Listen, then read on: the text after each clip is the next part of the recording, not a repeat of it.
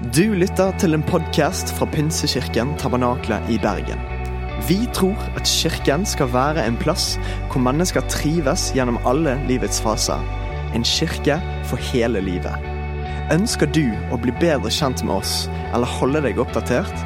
Besøk vår Facebook-side eller ptb.no. Her er ukens tale. Da de nå var løslatt, kom de til sine egne og fortalte dem alt det yppersteprestene og de eldste hadde sagt til dem. Da de hørte dette, løftet de samstemmig sin røst til Gud og sa, Herre, du som har gjort himmelen og jorden og havet og alt som er i dem, du har talt ved Den hellige ånd, ved din tjener Davids munn, og sagt, hvorfor fnyste hedningene, og hvorfor grunnet folkene på det som fåfengt er? Jordens konger steg frem, høvdingene slo seg sammen mot Herren og mot Hans salvede. Ja, i sannhet, i denne byen samlet de seg mot din hellige tjener Jesus, som du salvet, både Herodes og Pontus Pilatus, sammen med hedningene og Israels folk, for å gjøre det som din hånd og ditt råd forut hadde besluttet skulle skje. Og nå, Herre, hold øye med deres trusler og gi dine tjenere å tale ditt ord med all frimodighet idet du rekker din hånd ut, så helbredelse og tegn og under skjer ved din hellige tjener Jesu navn. Og da de hadde bedt, skalv stedet der de var samlet. Og de ble alle fylt med Den hellige ånd, og de talte Guds ord med frimodighet. Hele flokken av dem som var kommet til troen, hadde ett hjerte og én sjel. Og ikke en eneste sa at noe av det han eide, var hans eget, men de hadde alt felles. Med stor kraft bar apostlene fram vitnesbyrdet om Herren Jesu oppstandelse, og stor nåde var over dem alle. Heller ikke var det noen blant dem som led nød, for alle som eide jord eller hus, begynte å selge og kom med betalingen for det de hadde solgt, og la det for apostlenes føtter. Enhver fikk så tildelt det han trengte. Josef var en levitt, født på Kypros. Han ble av apostlene også kalt Barnabas. Det betyr formaningens sønn. Han eide en åker som han solgte, og han kom med pengene og la dem for apostlenes føtter. Men én mann ved navn Ananias og hans kone Safira solgte en eiendom. Han stakk til side noe av pengene, og hans kone visste det. Han kom så med en del av summen og la det for apostlenes føtter. Da sa Peter, Ananias, hvorfor har Satan fylt ditt hjerte, så du skulle lyve for Den hellige ånd og stikke unna betalingen for åkeren? Var det ikke din så lenge du hadde den? Og når du så hadde solgt den, bestemte du ikke da selv over pengene? Hvorfor har du satt deg i denne gjerningen fore i ditt hjerte? Det er ikke for mennesker du har løyet, det er for Gud. Men da Ananias hørte disse ordene, falt ham om og utåndet. Og det kom stor frykt over alle som hørte det. Noen unge menn sto opp og svøpte inn den døde. Så bar de ham bort og begravde ham. Omkring tre timer senere kom også hans kone inn. Hun visste ikke noe om det som hadde skjedd. Peter tok da til orde og sa til henne, Si meg, er dette summen dere solgte jordstykket for? Og hun sa, Ja, dette er summen. Da sa Peter til henne, hvordan kunne dere bli enige om å friste Herrens ånd? Se, deres føtter som er begravet din mann, er for døren, og de skal bære deg ut. Straks falt hun ned foran føttene hans og utåndet.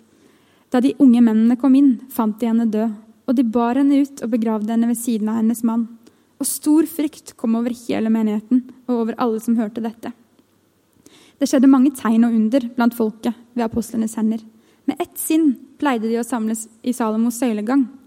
Av de andre våget ingen å holde seg nær til dem, men folket hadde mange lovord å si om dem.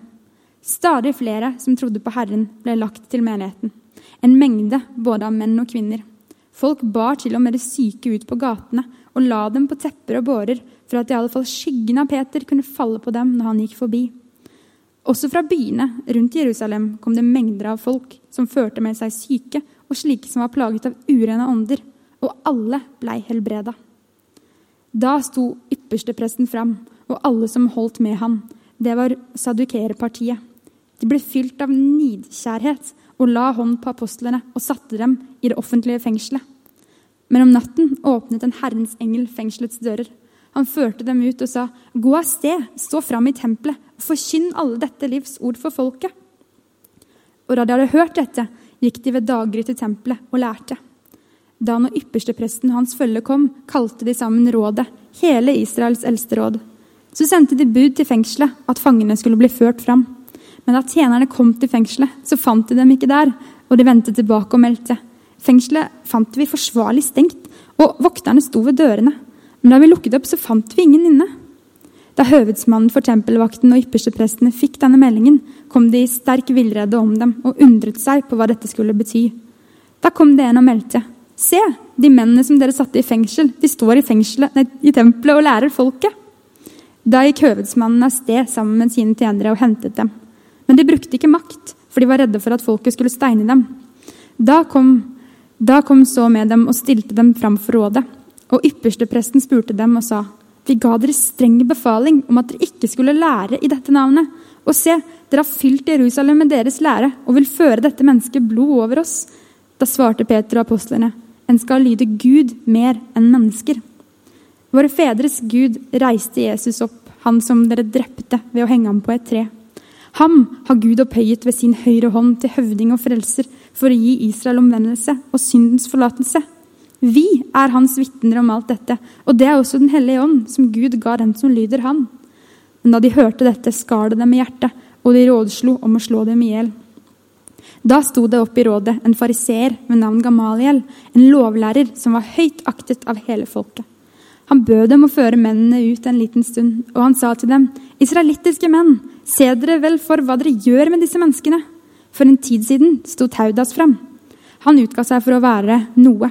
Omkring 400 menn slo lag med ham.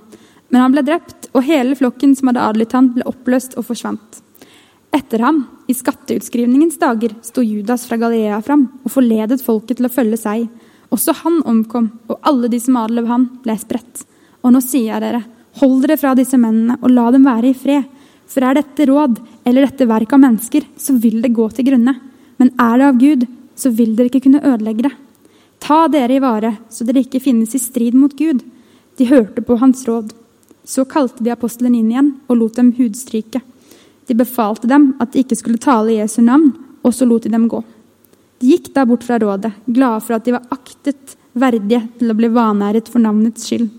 Uten opphold fortsatte de med å lære hverandre hver dag i tempelet og hjemme og forkynne om at Jesus er Messias. På denne tiden, da tallet på disipler stadig økte, begynte de gresktalende jødene å knurre mot de hebraisktalende over at enkene deres ble tilsidesatt ved den daglige utdelingen. Da kalte de tolv hele disippelskaren sammen og sa, det er ikke rett at vi forlater Guds ord for å tjene ved bordene. Brødre, Velg derfor ut blant dere syv menn som har godt vitnesbyrd og er fylt av ånd og visdom. Dem vil vi sette til denne oppgaven, men vi vil holde i bønnen og ordets tjeneste. Det de sa, fikk tilslutning hos hele flokken, og de valgte ut Stefanus, en mann full av tro og Den hellige ånd, og Philip og Prokorus og Nikanor og Timon og Parmenas og Nikolaus, en mann fra Antiotika, som var gått over til jødenes tro. Disse mennene stilte dem fram for apostlene, som ba og la hendene på dem. Og Guds ord hadde fremgang. Tallet på disipler i Jerusalem økte sterkt, og en stor flokk av prestene ble lydige mot troen.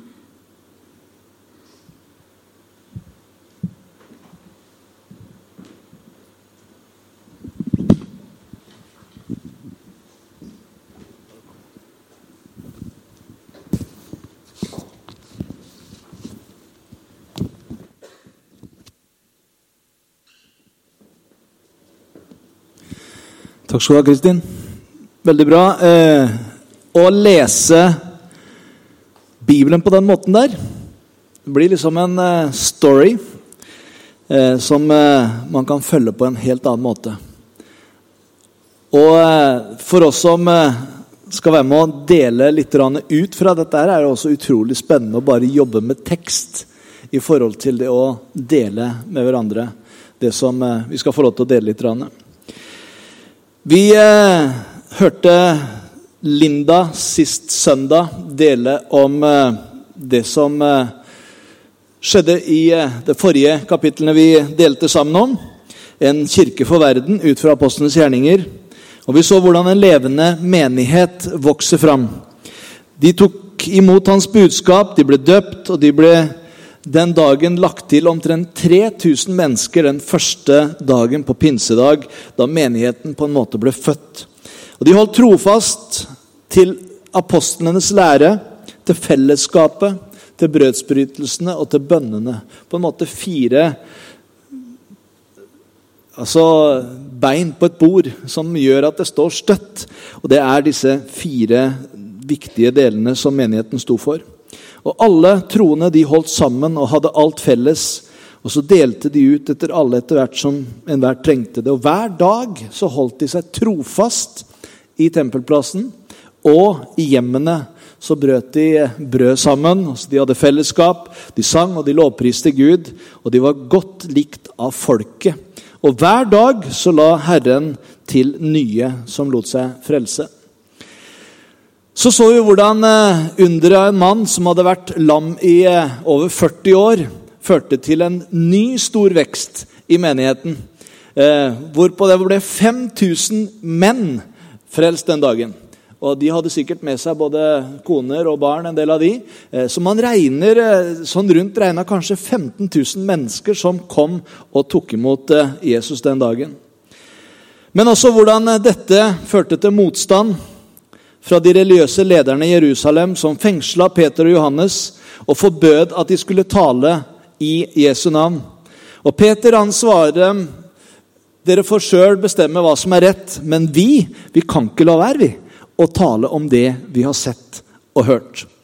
Og Det er der vi kommer inn i dagens tekst.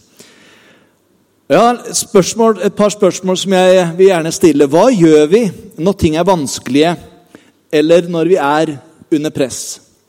Og hva kan vi lære av de første disiplene i forhold til dette? For De første disiplene de opplevde ikke at alt liksom bare gikk eh, eh, var positivt og bra. Nei, de var med å bryte noe nytt i forhold til den troen de hadde.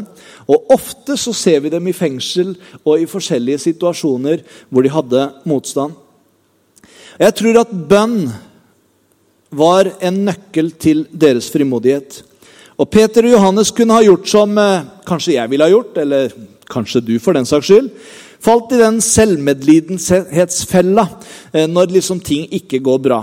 Eh, og tenkt liksom at nå er det ingen som bryr seg om meg, det er ingen som skjønner meg, og alt er så gærent og ish og æsj. Og, og liksom mange av oss vi trekker oss da til side, og så går vi liksom, kjøper en svær is og sitter der og spiser. ikke sant? Eller gjør en masse med ting fordi at det, det, er ingen som Og da må vi trøste oss med et eller annet. og Jo bedre og jo mer ensom du føler deg liksom da, jo bedre liksom, kan du liksom gni deg sjøl på brystet og tenke at 'jeg har det virkelig ille'. Det er ingen som skjønner meg. Jeg vet ikke om du har hatt det sånn noen ganger. Det er mulig det, det er bare jeg eller noen andre som har det sånn. Eh, men det er egentlig en veldig dårlig idé. Fordi det hjelper ikke på situasjonen. Det blir egentlig bare verre. Fordi liksom du, du, kommer inn i den bobla med at liksom, ja, det er synd på meg, og det er ingen som forstår meg. og Det er, liksom, det er bare jeg som har rett, og ingen andre skjønner noen ting. Eller gått til dine venner og fortalt hvor ille og vanskelig alt er, og så får de hele skyllebøtta liksom, med alt som er så gæli og ish og æsj. og eh, liksom, til slutt så blir det litt sånn voldsomt, og så eh, får du liksom Ja, skal vi finne på et eller annet? Men det var ikke dette disiplene gjorde når de opplevde denne motstanden, som var egentlig veldig urettferdig. De hadde fått hjelpe en mann som var lam, og så blir de stilt til retten for noe som var egentlig veldig bra. Men det de gjorde, det var at de uh, gikk til sine, og så delte de med dem. De huska kanskje Jesu ord, som hadde sagt eh, til dem, bl.a. i misjonsbefalingen Se, jeg er med dere alle dager. Jeg har lyst til å legge til alle slags dager, helt til verdens ende. Mens de sto der i den situasjonen, så kan det være at de kom på også et annet ord som Jesus hadde sagt til dem, som du kan lese om i Lukas 12. Der hvor han sier når de fører dere fram for synagogedomstolene og for øvrighetene og myndighetene, vær ikke da bekymret for hvordan dere skal forsvare dere, eller hva dere skal si. For Den hellige ånd skal lære dere i samme stund hva som må sies. Wow! Var det ikke akkurat det Peter opplevde? Når de sto der og skulle forsvare seg, så bare kjenner du at akkurat det, ved et øyeblikk så er det akkurat som han går inn i et nytt gir. Peter. Og så begynner han liksom med frimodighet å bare forsvare eh, Jesus og troen og alt det som er. Og de skriftlærde og fariseerne som står og ser på, de blir liksom bare helt tatt på senga og tenker Wow! Er ikke dette her fiskere? Er ikke dette normale arbeidsfolk? Og så liksom har de en sånn innsikt, så har de en sånn power i det de driver med. Og det står at de, de ble forundra og skjønte at de hadde vært sammen med Jesus. Da de ble løslatt, så gikk de til sine og delte med dem hva øversteprestene hadde sagt. Og hva gjorde de så? De ba. Med ett sinn og én stemme. Samdrektig er det et gammelt ord som heter. Altså, de, de, ble enige om altså Med ett hjerte og ett sinn så kom de sammen, og så ba de.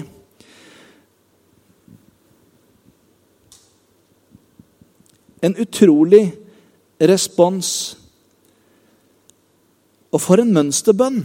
Jeg har lyst til at du skal legge merke til den bønnen som vi hørte lest. Herre, du som har skapt himmel og jord og hav og alt som er i det. Når du begynner å lese 'hallo' det her har jo ikke noe med saken å gjøre. Det er jo, saken er jo at vi har blitt uh, urettferdig behandla. At de har liksom tatt oss for noe som egentlig var bra. Men når de begynner å be, så legg merke til at de begynner å løfte opp hvem Gud er. Hvem er det vi ber til? Hvem er det vi egentlig henvender oss til med våre problemer? Jo, det er han, ja. Han som har skapt himmel og jord og havet og alt det som er i den. Det som myldrer der i havet. Milliarder og millioner av liksom, fisker og alle slags kryp bare der. Alle galakser, alle fjell og fjellkjeder. Alt som du kan se. Hvem er det som har skapt alt dette? Jo, det er Gud. Og så er det akkurat som de har behov for å løfte opp det som den personen som de ber til. Ikke for at han skal bli større, men for at han skal bli større i deres øyne. Hvem er det vi ber til? Og er det han, ja, han som har skapt meg, han som har skapt alle mennesker, han som har skapt alt det vi kan se, ta og føle på. Det er han vi ber til. Og etter hvert som de ba, så begynte de også å forstå han som sa, og så begynte de å dele liksom profetier som hadde blitt sagt om Jesus, om hva som skulle skje osv. Så, videre. så sier jeg ja, men alt dette her har jo egentlig Gud sagt skulle skje. Så hvorfor er vi så veldig forundra over det? Jo, han har jo sagt at det kommer til å skje sånn. Og når de etter hvert ber på denne måten her, så kommer liksom problemet. Det blir bare mindre og mindre og mindre. Og til slutt så sier Gud, kan ikke du bare holde øye med truslene deres? Det er hele bønnen om problemet. Altså, Min bønn ville vært 90% problem. Og så liksom Kanskje Ok, Gud, er du stor nok til det her, tro? Og så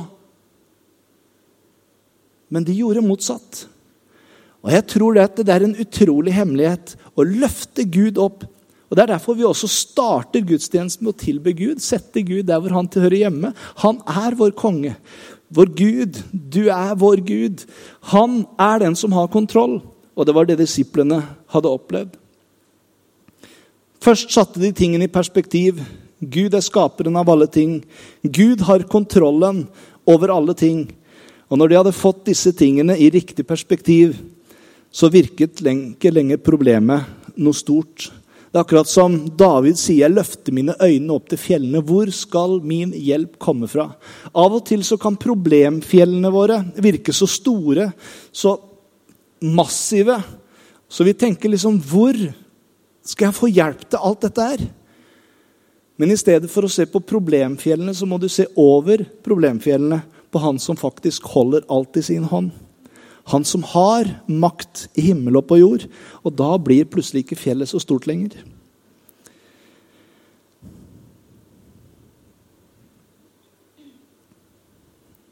Så liker jeg det de sier. Hold øye med truslene deres.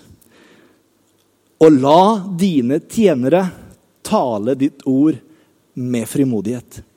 De hadde ikke blitt mindre av opplevelsen men de bare kjente fordi Gud var så stor, så kunne de også være frimodige og si, 'Gud, bare fyll oss med mer av deg', så vi kan få lov til å være frimodige og gå ut. Og så sier de én ting til. Altså, problemet de hadde havna oppi, var jo at de hadde helbreda denne mannen som hadde vært lam i over 40 år. Og nå ber de faktisk om mer problemer. De sier, 'Å Herre, rekk ut din hånd, så det skjer mer tegn og under ved din tjener Jesus Kristus'. Hallo! De ber jo om mer problemer, men de skjønte at det her er jo en del av pakka. Han har jo sagt at vi skal gå ut og forkynne evangeliet for alle. Helbrede de syke, vekke opp døde. Og de skal liksom være med å gjøre godt for folk. Det var det hele evangeliet handla om. Og nå kjente de at det ble bare fylt med en sånn ny glød til å få lov til å fortsette å gjøre det. Og det var nettopp det som skjedde.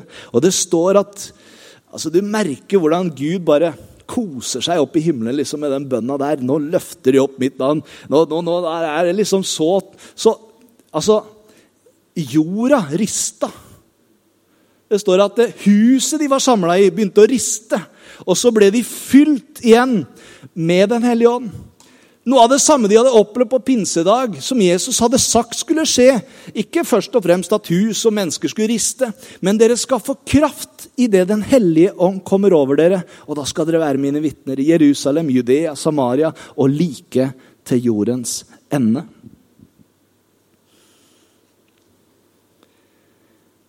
De troende, de delte alt. Både sine goder, sine evner sine talenter. De hadde et hjerte og et sinn, og ingen regna noe av det de eide for sitt eget. Men de delte alt og hadde fellesskap.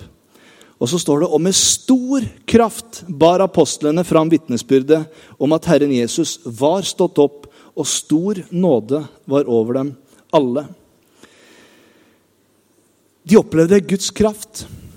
Kraft det greske ordet for kraft er et litt uh, artig uttrykk. Det er dynamis. Det ligner på dynamitt. Vi gutta vi liker litt dynamitt. Liker litt sånn som det er litt fart og greier Jeg vet at det er noen damer som gjør det, og Sandra kanskje, og noen flere. Uh, men, men altså, det, er, det, ligger litt i gutta, de greiene der. Og Det er derfor gutta som griller, har du lagt merke til det ofte? Og det er ikke fordi de liker å lage mat så mye, men det er fordi de liker ild. De liker liksom at det skjer noe. Det er de som skal tenne ilden. Liksom, så kan gjerne andre gjøre etter, alt annet, men det ligger liksom litt til gutta. Det er liksom power og kraft og alt det greiene der. Eh, dynamis. Dynamitt. Andre ord som ligner på det, er dynamo. Altså Det er noe som reproduserer kraft. Altså Noe av dette det ligger i grunnen på dere skal få kraft når Den hellige ånd kommer over. Det er akkurat som en indre drivkraft for å gjøre det Gud har kalt oss til. Det er det Den hellige ånd ønsker å gi oss i forhold til det vi skal få lov til å gjøre for Han. Og Jeg elsker dette uttrykket. De første kristne de hadde ett hjerte og ett sinn. Akkurat som the core values, kaller vi det på engelsk. Altså hjerteverdiene var noe som de hadde sammen som menighet. Og så når de hadde ett sinn, så tenker jeg det nye ordet for det ville jo være de hadde en felles visjon for det de holdt på med. De hadde noe de så fram imot, og de jobba sammen for å nå disse målene. Betydde ikke at alle hadde akkurat samme tanker, og alle liksom hadde de samme uh, ideene. Nei, men de brukte de ideene, de brukte de gavene, de talentene de hadde, for å gjøre målet så bra som mulig i forhold til det de hadde som mål. De var synkronisert, de hadde harmoni. Et annet eh, ord på gresk betyr at de faktisk pusta åndelig sammen. Altså de, var, de var så ett at det var akkurat som de pusta åndelig sammen i forhold til det de holdt på med. At dette fantastiske skjedde, var fordi at Den hellige ånds kraft ble utøst over dem som et svar på en samstemmig bønn fra Guds folk. Disse var godhjertede mennesker som eh, Noen av dem eide mye. Og de eh, følte at vi kan jo ikke sitte her og eie så mye, og så er det andre som ikke har noen ting. Så det står at en del av dem de solgte sine eiendeler, solgte sine tomter og eh, hus og det de hadde. Og så ga de det til apostlene for at de skulle gi det til de som var trengende, de som ikke hadde så mye. Og En av dem ble du kjent med. Han heter Josef. Det er faktisk, tror jeg, eh, med en klype salt, at det eneste stedet de kaller han for Josef. Etterpå så kaller han for Barnabas. Eh, trøstens sønn. Det er et bra navn å ha.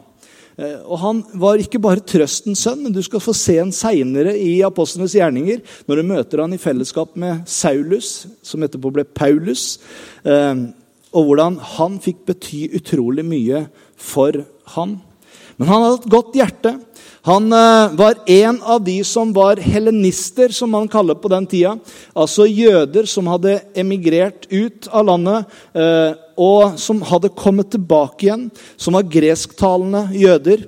Eh, og det var mange av dem i forsamlingen som etter hvert hadde kommet til mennesker, jøder som hadde kommet tilbake til Jerusalem, og som nå var en del av kirka der. Men de snakka gresk, og så snakka de andre hebraisk. Og så ble det litt sånn forskjellig språk. Og Det er herlig her, fullt virvar av og til på søndag formiddag også, og på kveld, med forskjellige språkgrupper som kommer. Og Det er herlig å høre både liksom portugisisk og fransk og spansk og engelsk og eh, tamilsk og tigrinja. Det er liksom Det her er bare her!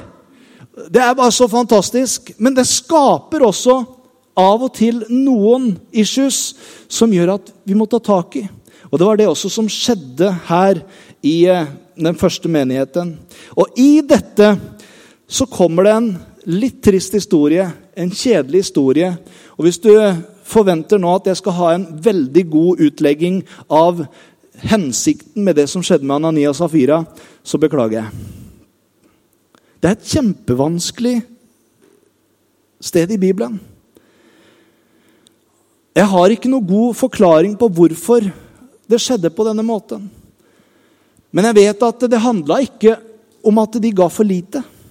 Det handla ikke om pengene de ga. Det handla ikke om at de, de, solgte sin tomt, og så ga de en del av pengene, og at det liksom ikke var godt nok. Noen kanskje kan ha noen sånne ideer om det, men det er fullstendig feil. Det var noe dypere som var roten av det som skjedde her. Midt oppi alt dette gode som skjedde, så ser vi også at Guds fiende, Satan, prøver å komme med indre ødeleggelse i den voksne menigheten. Et typisk trekk av han som kalles i Bibelen for tyven, som har kommet for å stjele, myrde og ødelegge. Historien om Anania og Safira er trist historie av to mennesker i den første menigheten som lot seg fylle av Satan. Peter sier det etterpå. Med lyst til selvhevdelse og posisjoner. Akkurat som de tenkte Oi, ja, men det var jo nobelt og fint gjort av eh, Barnabas, det der. Vi kan jo ikke være noe dårligere, vi. Så vi, vi, må jo også gjøre noe så de ser hvor flinke vi er. Altså Litt den holdninga der. De solgte også en eiendom og kom med pengene til apostlene. Men tydeligvis for å vise seg fromme, så løy de og sa at de ga alt det de hadde fått for tomta, noe som ikke var sant. De hadde tatt penger til side til seg selv, noe som i seg sjøl ikke var galt. Hadde de bare sagt det vet du hva, Vi har tatt vekk noen av pengene som vi skal bruke, men resten ønsker vi å gi til kirka. Så hadde det ikke vært noe problem. Men de bestemte seg for å lyve. Og Anania og Safira ble dømt for sitt hykleri og løgn mot Gud. Ikke for at de beholdt noen av sine egne eiendeler for seg selv. Den alvorlige straffen på en egentlig som vi kan tenke så liten og ubetydelig synd, kan synes intolerant og nådeløs. En annen anledning i Lukas 9 så er Jesus ute i Samaria, naboområdet. Og eh, Samaritanerne ville ikke ta imot Jesus. Og så har du disse her, eh, to av disiplene eh, som ble kalt for Tordensønnene. Det var to disipler. Tenk deg liksom den gjengen. vet du. Tolv stykker. Det er ganske mye forskjellig eh, i dem også. Så kommer de til Jesus og sier skal vi byde ild og bare komme ned fra himmelen og fortære hele byen her, siden de ikke vil ta imot deg. Og Så sier Jesus det. Jeg har ikke kommet for å ta liv, men for å redde liv.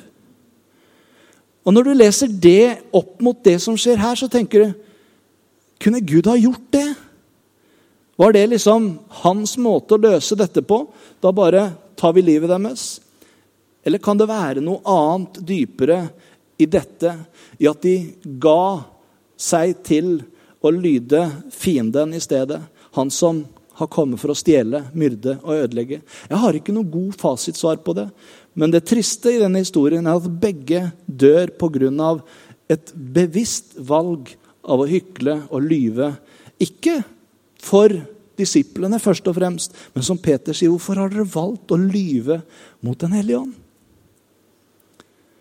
Hvordan visste Peter dette her? Jeg tror egentlig ikke Peter visste det. Men jeg tror at de levde så tett på Den hellige ånd, så når han kommer med dette, så bare merker Peter noe, akkurat som et kunnskapsord i seg, som bare vet at her er det noe som er galt. Her er det noe som ikke er rett. Og så deler han det han får i sitt hjerte, og så sanksjonerer det i forhold til det som var virkeligheten. En nøkkellærdom i denne historien er at Satan har makt til å forstyrre kristnes tanker. Vi ser det i vers 3. Og noe som bekrefter betydningen av at vi ikke skal gi djevelen rom, som det står i Efeserne 4, 27. De troendes beste forsvar for selvforførelse det er å stå gjensidig ansvarlig overfor hverandre, særlig i en lokal forsamling. En stadig fornyelse av sinnet ved å lese Guds ord og en stadig fylde av Den hellige ånd vil også være beskyttende. Det er sånn at vi har et ansvar for hverandre som gruppe. Og Derfor så er det så viktig å få lov til å være med i en life-gruppe. Et mindre fellesskap. Være i et fellesskap. Det verste du kan gjøre når du kommer i prøvelser og vanskeligheter, det er å isolere deg. For da må du bære hele byrden alene. Og Derfor så oppfordrer Bibelen oss til at hold dere ikke unna fra menigheten. Hold dere ikke unna fra fellesskapet, men vær med i fellesskapet. Fordi at når du er i et fellesskap, og det skjer noe, så kan de andre kanskje si vet du hva, jeg ser at sånn og sånn. Og så kan vi hjelpe hverandre. Ikke for å liksom ta hverandre, men for å beskytte hverandre. Og så kan du av og til få lov til å komme og si vet du hva, nå opplever jeg utrolig fristelser på dette området. dette området. Kan dere være med å be om at jeg ikke skal være frista?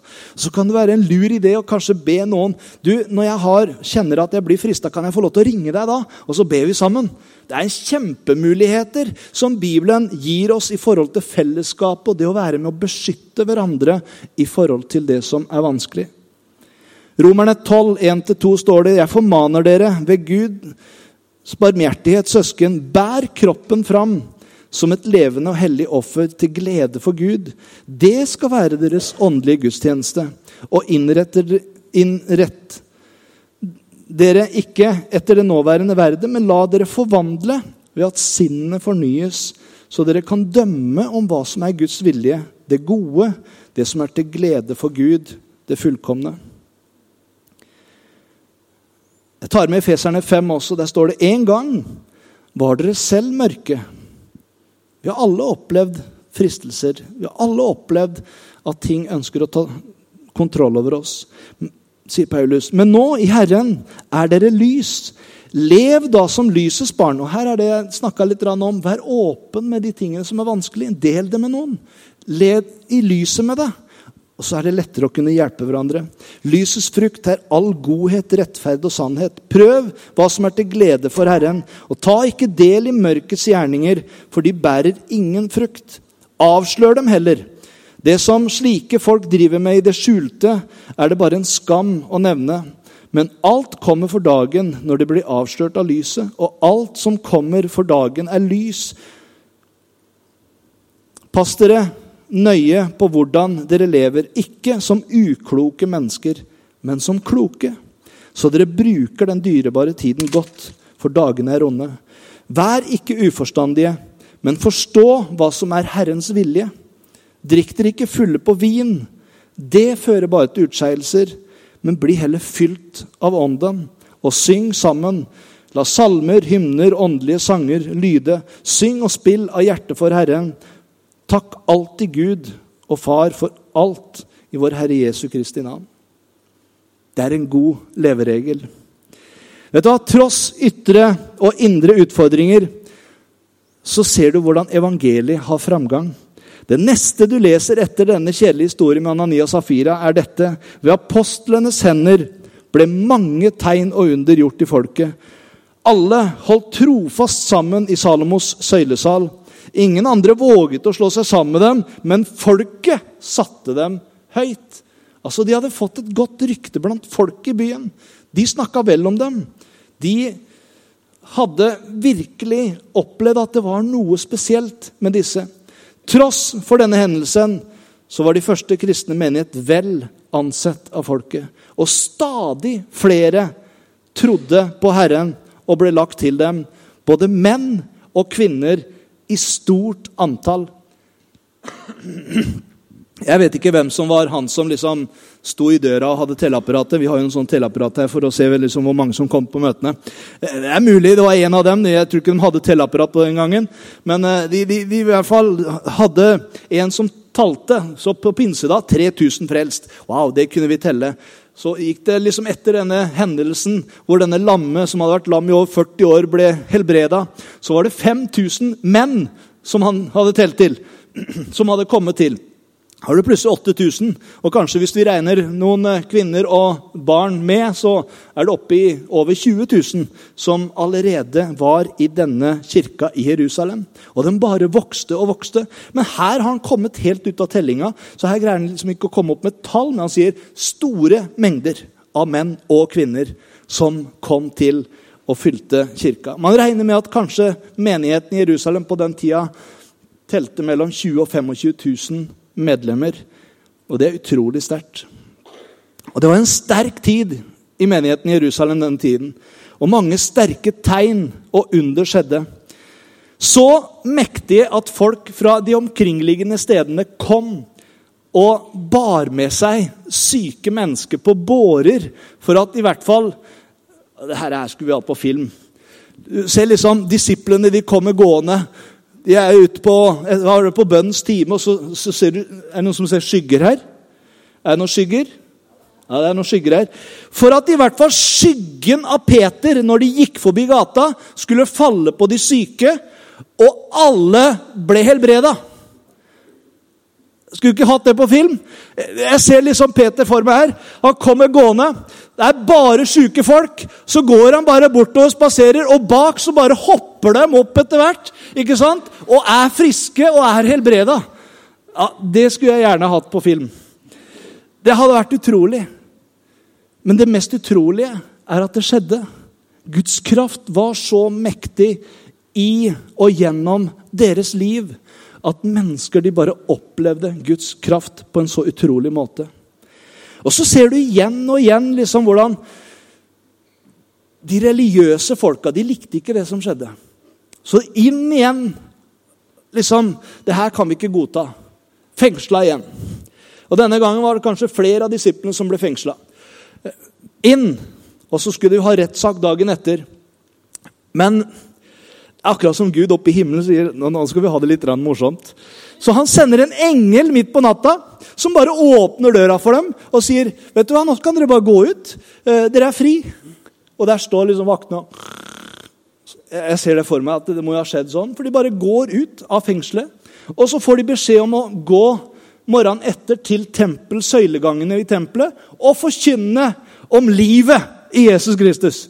Så det gjør de. Jeg mener, hadde det vært meg, så hadde jeg kanskje tenkt at når jeg endelig har kommet ut av dette fengselet, så skal jeg i hvert fall ikke bort til den søylegangen og preke, for det er jo hele problematikken på igjen. Men altså, det var en drivkraft i dem som gjorde at de kunne ikke la være. For de hadde opplevd så mye med Gud. Så dagen etter, hvor står disse folka? De står på tempelplassen og preker.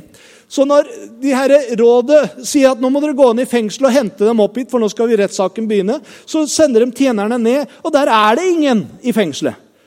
Døra er låst, alt er sikra, fangevokterne står på utsida, men de er ikke der. Og så kommer det plutselig en løpende. Vet du hva? Han, de der som vi fengsla i går, nå står de der borte på tempelplassen og preker igjen.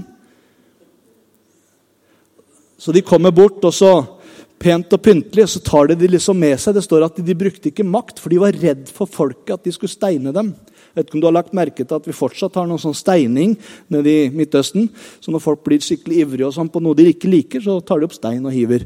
Eh, det var ganske vanlig på den tida der også, faktisk. Så de, de, selv rådsherrene var redd for at hvis de tok disiplene for hardt, så ville de steine dem. For folket likte disiplene og det de gjorde. Og så sier de vi påla dere jo strengt at dere ikke skulle undervise i dette navnet. Og nå har dere spredt denne læra over hele Jerusalem. Altså, Trengte ikke noen liksom PR for liksom det som skjedde. Altså, Folka sjøl, de rådsherrene sjøl, sa jo og skjønte De har jo fylt hele Jerusalem med den læra her. Bare tenk deg hvordan det hadde vært liksom, som tabernaklet. De der gærne folka der borte. Nå har de fylt hele Bergen med den læra. Folk opplever jo opplever Gud overalt, og folk blir helbreda på skoler og jobb og alt mulig. Det skjer så mye. Folket syns det er kjempekult, men det er noen som syns at det ikke er så kult, og det er disse åndelige lederne. Og Det er da vi ser hvordan Peter han står opp som en leder han er, og så sier han igjen og minner dem på det. Vet du hva? Vi må lyde Gud mer enn mennesker. Våre fedres Gud reiste opp Jesus, han som dere hengte på et tre og drepte. Han har Gud opphøyd og satt ved sin høyre hånd som fyrste og frelser, slik at han kan gi Israel omvendelse og tilgivelse for syndene. Vi er bare vitner om dette. Vi og Den hellige ånd som Gud har gitt dem som er lydige mot ham. Og er det liksom bare tar det helt av inni sannerinen, som det heter. Altså rådet. Og de har lyst til å bare ta tak i dem og kverke dem med en gang. Men da er det én klok mann, Gamaliel, reiser seg opp. Det er godt med sånne kloke folk innimellom som liksom kan roe ned gemyttene litt. Og så sier han, 'Hallo, stopp, stopp, stopp.' stopp. Husker dere den gruppa der? Og husker den gruppa der? De tenkte det var noe stort, men så ble det bare oppløst alt sammen. Vet du hva? Hvis dette er menneskelig, så kommer det til å gå over. Men hvis dette er fra Gud, så kan vi ikke stanse det. Og det verste av alt, sier han til dem Og jeg tror Gud brukte Gamaliel, det er midt i rådet. Det verste av alt er Tenk om dere kjemper mot Gud. Det var nok noen der inne som var i litt lynsjestemning, så de syntes at det, en advarsel bare denne gangen det var ikke nok. Så de lot dem piske, og så satte de dem fri. Og advarte dem igjen om å ikke preke mer i Jesu navn. Men dette følte bare at menigheten den bare vokste enda mer. Både i tempelet og i smågruppene i hjemmene så var troende sammen og det bare vokste og det bare vokste. Og Det er her du ser hvordan utfordringene med vekst i menigheten også kommer til syne ved at man trenger flere arbeidere. Etter hvert som menigheten her i tabernaklet har vokst, så har vi trengt flere og flere og flere som er med ta ansvar sammen. Bare her i G19-miljøet så trenger vi flere folk. Jeg ser etter hvert som det vokser, så er det ikke bra, det er ikke riktig at det er bare én og to som står og rigger og holder på. Flere kan være med i riggeteam, flere kan være med i vertskapsteam. Flere kan være med i å pynte og ordne og ha masse ideer. Altså, Vi er forskjellige, vi har forskjellige talenter. Bruk de talentene inn i fellesskapet og vær med å bygge denne kirka til det du ønsker den skal være, og til det Gud ønsker at den skal være. Og jeg tenker at Det samme skjedde også her. Som jeg nevnte, de gresktalende jødene de følte at de ble liksom ikke behandla helt likt. Så blant dem så sier Peter og får visdom til å velge ut blant dem ledere som kan tjene ved bordene. Tjene disse som var av gresktalende jøder. Og ved å gjøre det så bare øker antallet enda mer, og flere får oppleve at de blir tatt hånd om. En menighet er en enhet som får lov til å bygge sammen i forhold til det Gud ønsker. Og Jeg tror troskap i bønn var noe av det som var utrolig viktig. De ba til Gud. De satte fram disse tjenestegavene. Og så la de hendene på dem og velsigna dem. En overføring av autoritet, en overføring av dette har vi hatt som vår tjeneste. Nå bare bemyndiger vi dere til å gjøre det. Vær frie, vær ledere. Og Det skulle være folk som hadde et godt rykte, og som var fulle av Den hellige ånd. Det de hadde opplevd sjøl, det å ha et godt rykte, å være fulle av Den hellige ånd og visdom. De tre tinga sammen er krutt. Altså Et bra liv. Utrolig gøy å være sammen med den og den. Fordi De er så ryddige, de er så bra. Er liksom, du blir oppmuntra å være sammen med dem. Og når du er da fylt med Gud, har tatt imot Han, fylt med Den hellige ånd, og så har du litt visdom til å gjøre ting altså, Det er dyktige ledere som vi kan få lov til å ha sammen. Og Det var det de så, og de satte dem til å tjene.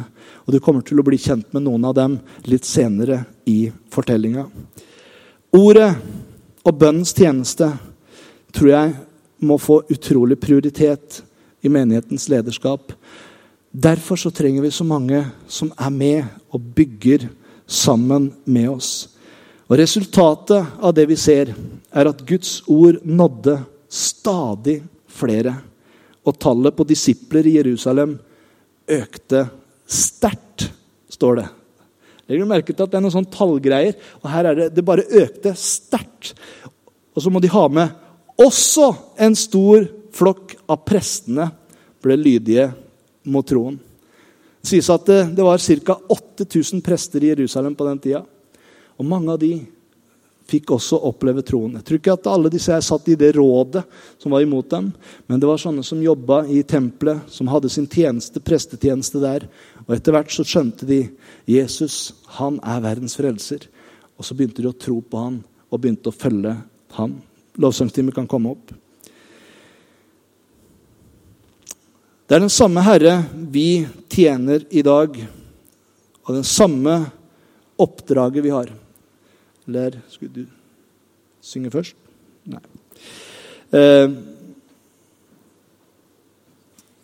og vi har fått å dele evangeliet om evig liv i Jesus Kristus. Han som ikke vil at noen skal gå fortapt, men at alle skal få oppleve frelse i Jesus.